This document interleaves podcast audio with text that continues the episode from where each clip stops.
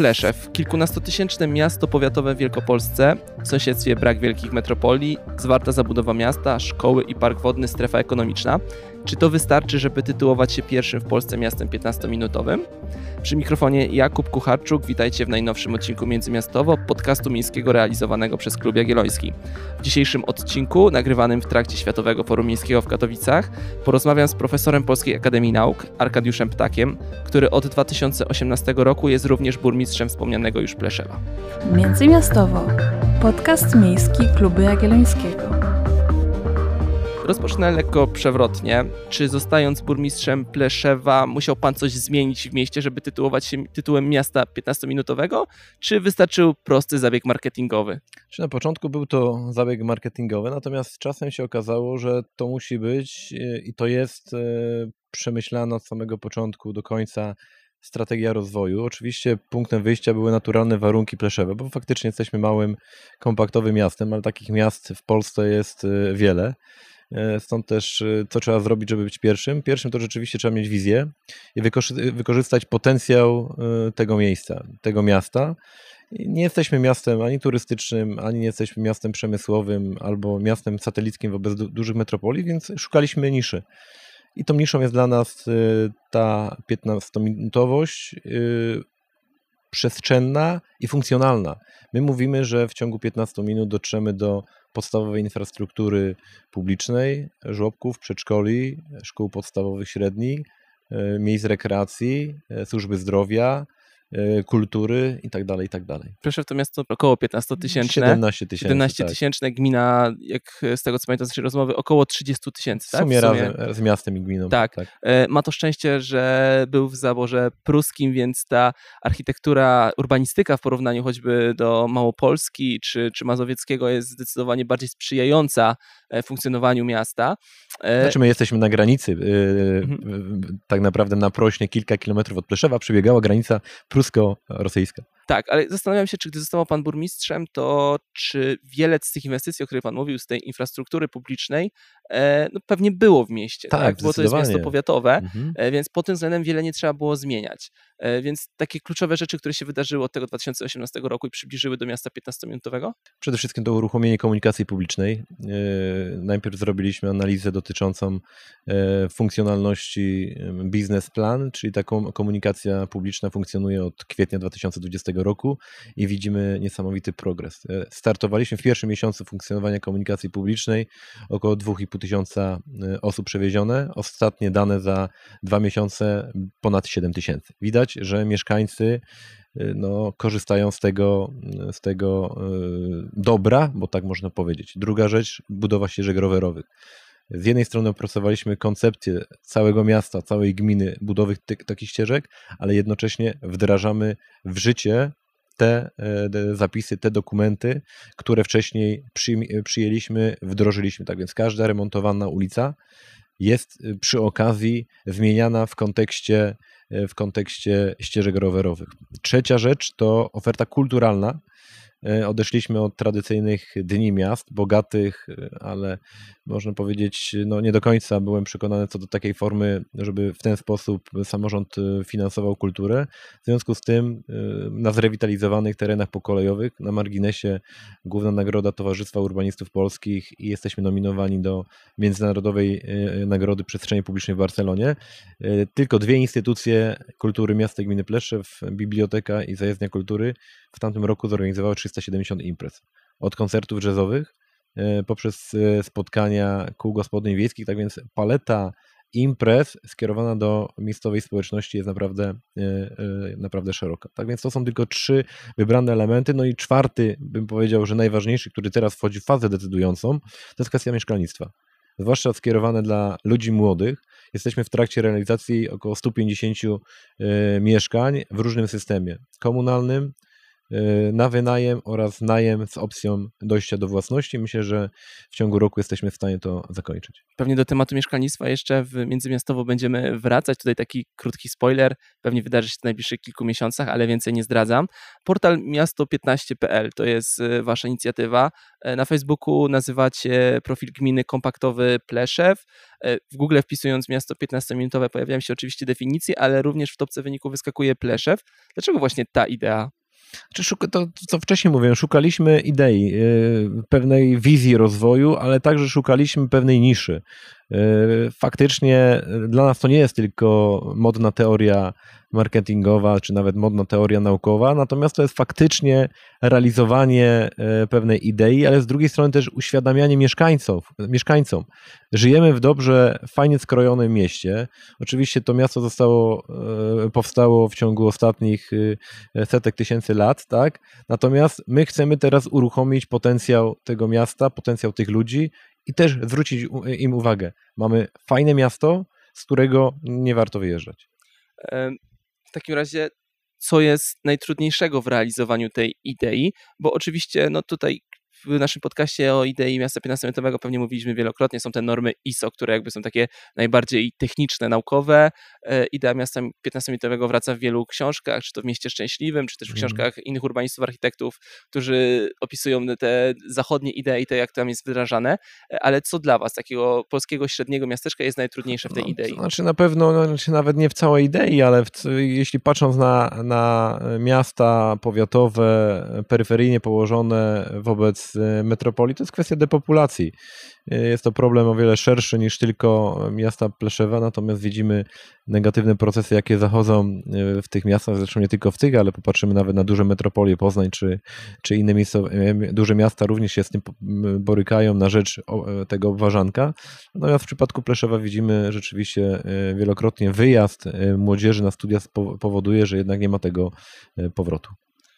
A czy ta depopulacja postępuje również w stosunku do osób, no nie tylko młodzieży, tak, bo to jest naturalne, chyba charakterystyczne dla większości średnich, małych miast w Polsce, ale czy również populacja, czy postępuje w stosunku do przedmieść, e, czy gmin e, okalających? Czy... Tak, widzimy taką, można powiedzieć, ja zawsze mówię, powiatową suburbanizację, czyli widać osoby, które z samego miasta przeprowadzają się na, do gminy, na my jesteśmy w dobrym położeniu, ponieważ jesteśmy gminą miejsko-wiejską. Tak więc nie ma ubytku w liczbie ludności, w dochodach e, gminy. Widzimy w ciągu ostatnich 20 lat około 1400 osób wyprowadziło się, może inaczej, liczba mieszkańców Pleszewa ostatnio, w ostatnich 20 latach spadła o 1500 e, osób, natomiast liczba mieszkańców gminy Pleszew, czyli tej wiejskiej części, wzrosła o 1500. To nie są te same osoby, ponieważ widzimy jeszcze inny e, ruch i to jest dla nas bardzo pozytywne, a mianowicie taki, że jednak do Pleszewa, czy w Pleszewie zaczynają zamieszkiwać osoby z gmin ościennych gmin wiejskich ościennych, widząc y, to miasto, że w tym mieście można zrealizować elementarne potrzeby w instytucjach publicznych, których nie mają w innych mniejszych miejscowościach. Pytanie, czy Pleszew znalazł się, znalazł się na tej liście opracowanej e, swoją drogą przez Polską Akademię Nauk miast e, tracących, funkcje. tracących funkcje? Tak, byliśmy na 121 w pierwszej edycji, natomiast w drugiej edycji już, już niejako e, poprawiliśmy chyba wynik i już nie jesteśmy na tej liście 122 I co tam było wskazywane jako to najtrudniej, naj, znaczy, najważniejsze była, rzeczy? Była depo, ja już analizowałem wskaźnik po wskaźniku, była kwestia depopulacji, ale to, co, na co zwróciłem uwagę, no to kwestia pomocy społecznej, co też dla mnie jakoś do końca nie jest zrozumiałe e, przy tak e, bardzo niskim e, bezrobociu, tak więc no tutaj ten wskaźnik w dużej mierze zadecydował. Starzenie społeczeństwa, depopulacja oraz pomoc społeczna, te, to są te trzy wskaźniki, które zadecydowały o tym, że w pierwszej edycji rankingu czy tej listy profesora Śleżyńskiego rzeczywiście się pojawiliśmy ta wyprowadzka ludzi, czy to na przedmieście, czy właśnie do okalających gmin, czy, czy wsi i miasto, e, no ma pewne jakby, wpływa w pewien sposób na funkcjonowanie miasta. Ci ludzie swoją siłą rzeczy mają dalej do sklepu, dalej do usług publicznych, które są skoncentrowane w miasteczku. Siłą rzeczy Wspomniał Pan wcześniej, że komunikacja jest dopiero rozwijana, e, ale siłą rzeczy to powoduje, że używają, potrzebują używać więcej samochodu, wykonują więcej podróży. Mm, no, trochę to jest sprzeczne z ideą miasta 15-minutowego o tyle, e, że no, więcej osób, które jakby, niektórych ta idea przestaje być wygodna, tak? Bo idea miasta 15 to mówi o tym, żeby ograniczać liczbę podróży, żeby tych ludzi przybliżać. E, I zastanawiam się tutaj, czy liczba przeciwników tej idei, w, czy sceptyków wobec tej idei w gminie jest spora i rośnie, czy, czy raczej to w drugą stronę działa? Że trudno mi powiedzieć, czy rośnie, czy nie, ponieważ nie prowadziliśmy e, badań. Tak naprawdę promocja e, idei miasta kompaktowego wśród mieszkańców to jest ostatnie dwa lata. Ostatnie badania nasze wskazały, że 40% e, e, badanych słyszało o idei miasta kompaktowego, o nowym haśle promocyjnym miasta. Jak na dwa lata, to myślę, że to wynik e, dobry. Natomiast ten, ten proces depopulacji rozpoczął się zdecydowanie wcześniej. Tak, to są, to są połowa lat 90., no, lata 2000, jeśli chodzi o takie małe miejscowości. Faktycznie no, jest moda, czy można powiedzieć, że była moda, ona się powoli kończy na E, e, wyprowadzania się z centrów e, miast. Natomiast to jest na tyle mała społeczność, że nawet ten transport do, do miasta, zresztą tak na marginesie tworzymy trzy duże, jak na takie małe miasta, parkingi Park and Ride, gdzie każdy przyjeżdżający swoim samochodem może zostawić bezpłatnie mm, samochód, wsiąść w komunikację publiczną lub też pieszo dotrzeć do centrum miasta w planach są, bo już mamy stosowne analizy, w ogóle całkowicie e, e, dokonać transformacji centrum miasta. W chwili obecnej przez rynek w Pleszewie przyjeżdża na dobę 12 tysięcy samochodów. To jest tak naprawdę cały tranzyt, e, ten lokalny, przechodzi przez centrum miasta. Zaledwie 10% ludzi wjeżdżających do rynku jest to dla nich punkt docelowy. Reszta przejeżdża przez miasto. Stąd też właśnie ta idea, idea transformacji miasta centrum miasta. Mhm. E, zastanawiam się jeszcze tutaj, nawiązując do początków tej idei wdrażania, ona się już pojawiła u Pana w kampanii wyborczej, czy to się zrodziło już po tym, gdy został Pan burmistrzem? Nie, to jeszcze w kampanii jeszcze e, tego, tego elementu nie było. To był początek mojej e, kadencji. Ja nie ukrywam, że też taka inspiracja była z literatury, natomiast ona w literaturze pojawia się w kontekście Paryża, Sztokholmu, y, co dla mnie y, nie patrzy na to jako urbanista, nie patrzy jako architekt, patrzy bardziej jako samorządowiec, jako osoba, która ma zapewnić podstawowe usługi publiczne. I trudno mi było zrozumieć tą ideę w przypadku Paryża, Sztokholmu, ale zauważyłem, że przecież ta idea pasuje, pasuje dla, do mojego miasta. E, to prawda, właśnie są w Europie to chyba pojedyncze, ale takie miasteczka, które nie wiem, czy mogą być stawiane za wzór, ale taki są takim przykładem bardzo radykalnego podejścia do idei miasta 15-minutowego. Każde takie miasteczko hiszpańskie, gdzie z całego historycznego centrum, które jest prawie całością miasta, wyrzucono ruch samochodowy, postawiono tylko na pieszy i rowerowy. Czy w ogóle wy się takimi miastami w jakiś sposób inspirujecie, jeździcie je oglądać, jak to tam funkcjonowało? Czy raczej nie macie takich wzorów i próbujecie to zbudować na, swoją, na swój wzór? Znaczy, jestem zakochany, jeśli tak można nazwać, w holenderskich rozwiązaniach.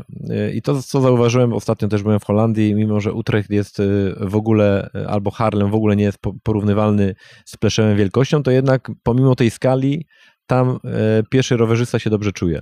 Kwestia zieleni, rozwiązań komunikacyjnych. Jeśli miałbym szukać inspiracji i rozwiązań, to są rozwiązania holenderskie. Jeśli chodzi o komunikację publiczną, transport, rowery, zieleń, to są te elementy. E, czy po tych czterech latach e, pana urzędowania, wiem, że pan też wcześniej był samorządowcem, e, już się taka marka pojawiła? Czuje pan to, że okoliczni samorządowcy, gdy mówią o Pleszewie, gdy z panem rozmawiają, wspominają o tej idei, że trochę zazdroszczą albo, albo wręcz przeciwnie? Czy to jeszcze jest za wcześnie? To znaczy widzę, że bardziej częściej są te takie, można powiedzieć, informacje o mieście kompaktowym osób y, z Polski. Ja też nie ukrywam, że wielokrotnie e, o idei miasta kompaktowego mówię przy okazji sympozjów e, naukowych, no bo jakoś łączę e, te dwa światy nauki i, i, i, praktyki. I przy okazji właśnie mówiąc o problemach miast, mówię również o mieście 15 minut, więc to jest główny na razie kanał dystrybucji idei miasta kompaktowego, bo my w zasadzie nie wydaliśmy żadnej złotówki na, na jakąś promocję ogólnopolską, Wielkopolską. Robimy to, można powiedzieć tak, chałupniczo, ale już, już efekty są, chociażby dzisiejsza nasza rozmowa. Dokładnie, no tak, tak się o tym dowiedziałem. No, nie ma co ukrywać, że pewnie dla gospodarzy podcastu z Krakowa usłyszeć o Pleszewie byłoby trudno w inny sposób niż właśnie ta przekazywanie, czy to przekaz medialny, czy właśnie gdzieś wystąpienia na konferencjach. Chociaż Pleszew łączy z Krakowem, współpracujemy z firmą, która nam robi e, filmy reklamowe, tak więc łączy nas trochę. To nie była ta inspiracja, nie tym, nie tym razem, e, firmy, firmy nie znam. E, tutaj już pan wspomniał o łączeniu tej pracy naukowej z samorządową. Przed byciem burmistrzem już pan był w samorządzie Pleszewa. Jak wygląda takie zderzenie, bo to chyba się rzadko zdarza w średnich i mniejszych miastach, że właśnie profesor E, który raczej zajmuje się teorią, e, przejmuje samorządowe stery. Oczywiście no, w Krakowie akurat mamy profesora od, od lat wielu, e, który nawet swój uniwersytet posiada, ale jednak wydaje mi się, że to nie jest tak powszechne wśród samorządowców. Jak ta, to zderzenie teorii wychodzi w praktyce? Znaczy, to pomaga i przeszkadza.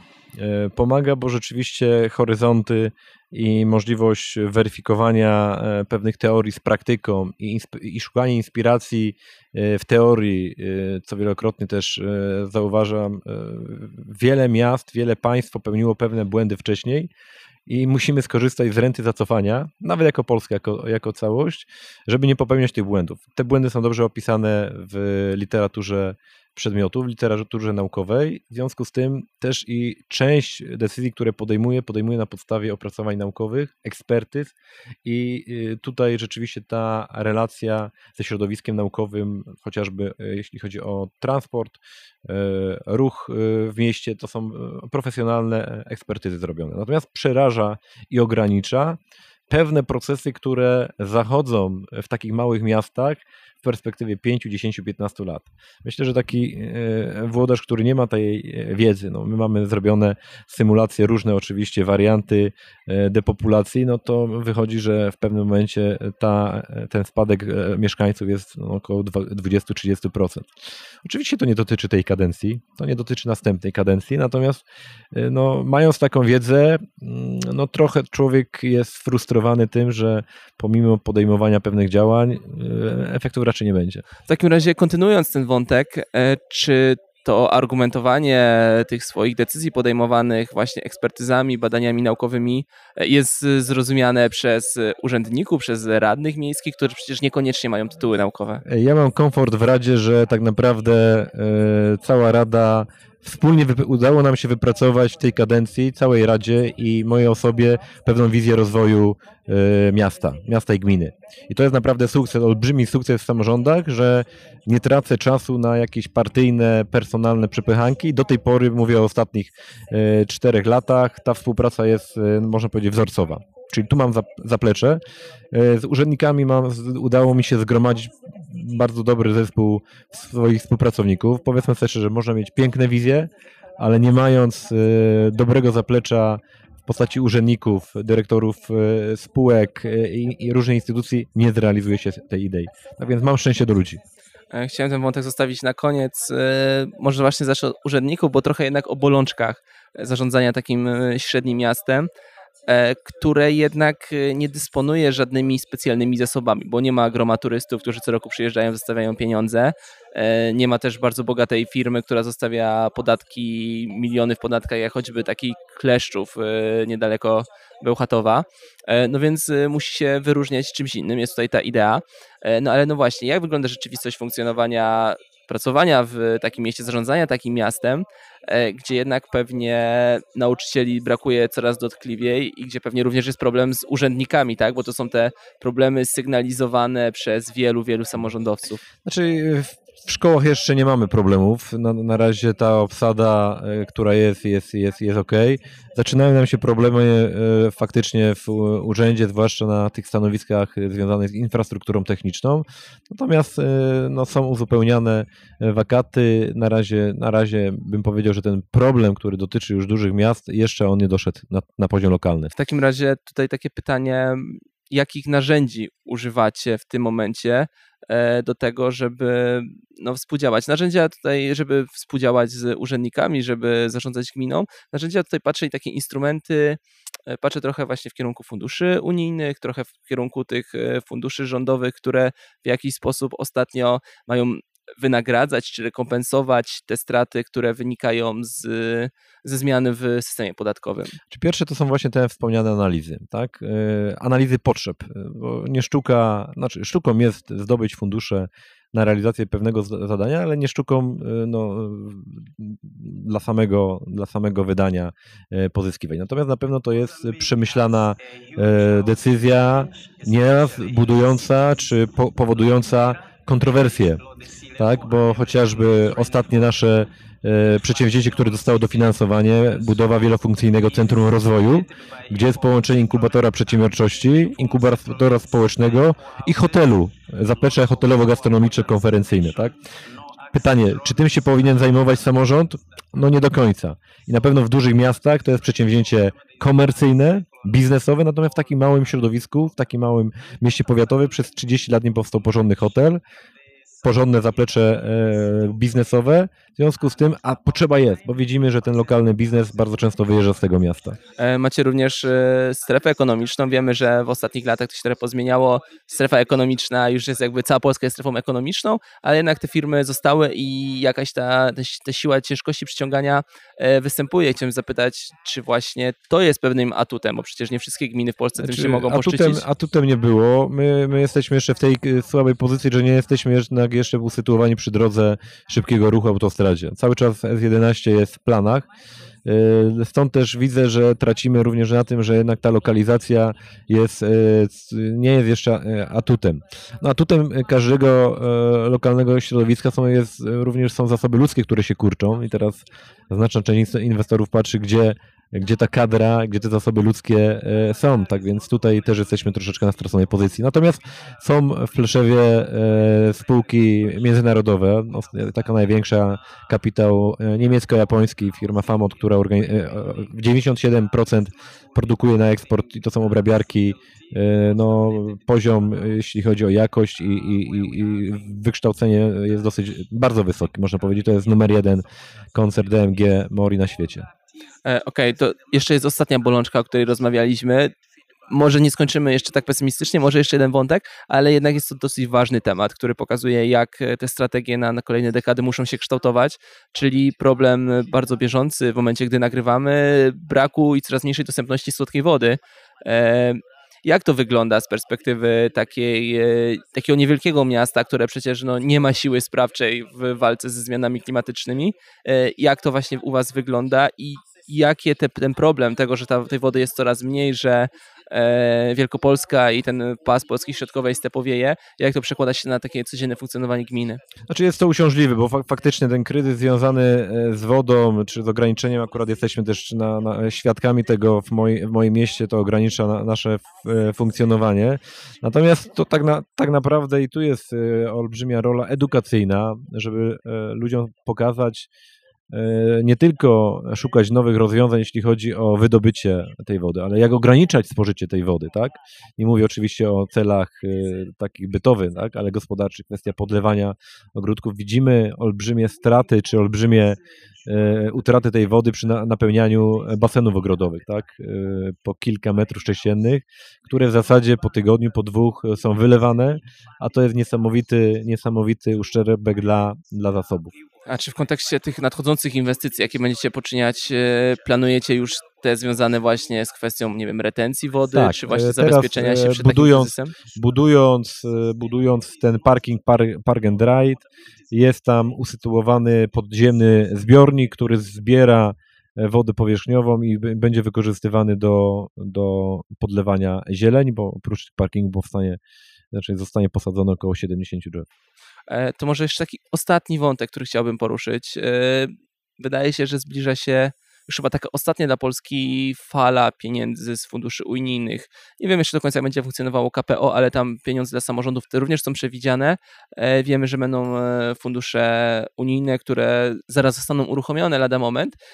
O jakich projektach myślicie w kontekście tych funduszy? Po pierwsze, radykalna wymiana całego oświetlenia ulicznego e, i, we wszystkich instytucjach publicznych. To nam pozwoli z, jednej strony rzeczywiście być proekologicznie, ale z drugiej strony obniży nam dosyć radykalnie koszty bieżące funkcjonowania. Druga rzecz, i tu też, te, też jesteśmy na etapie właśnie uzgadniania, kwestia elektrycznych autobusów do komunikacji publicznej. To jest kwestia też fotowoltaiki, dokończenia pewnych prac kanalizacyjnych na niektórych obszarach wiejskich, tak więc to jest ten, to jest ten kierunek inwestycyjny. To nie są tylko drogi, tak, bo to jest myślę, że to jest oczywista rzecz, natomiast tutaj te kierunki działania, o których, o których tutaj mówię.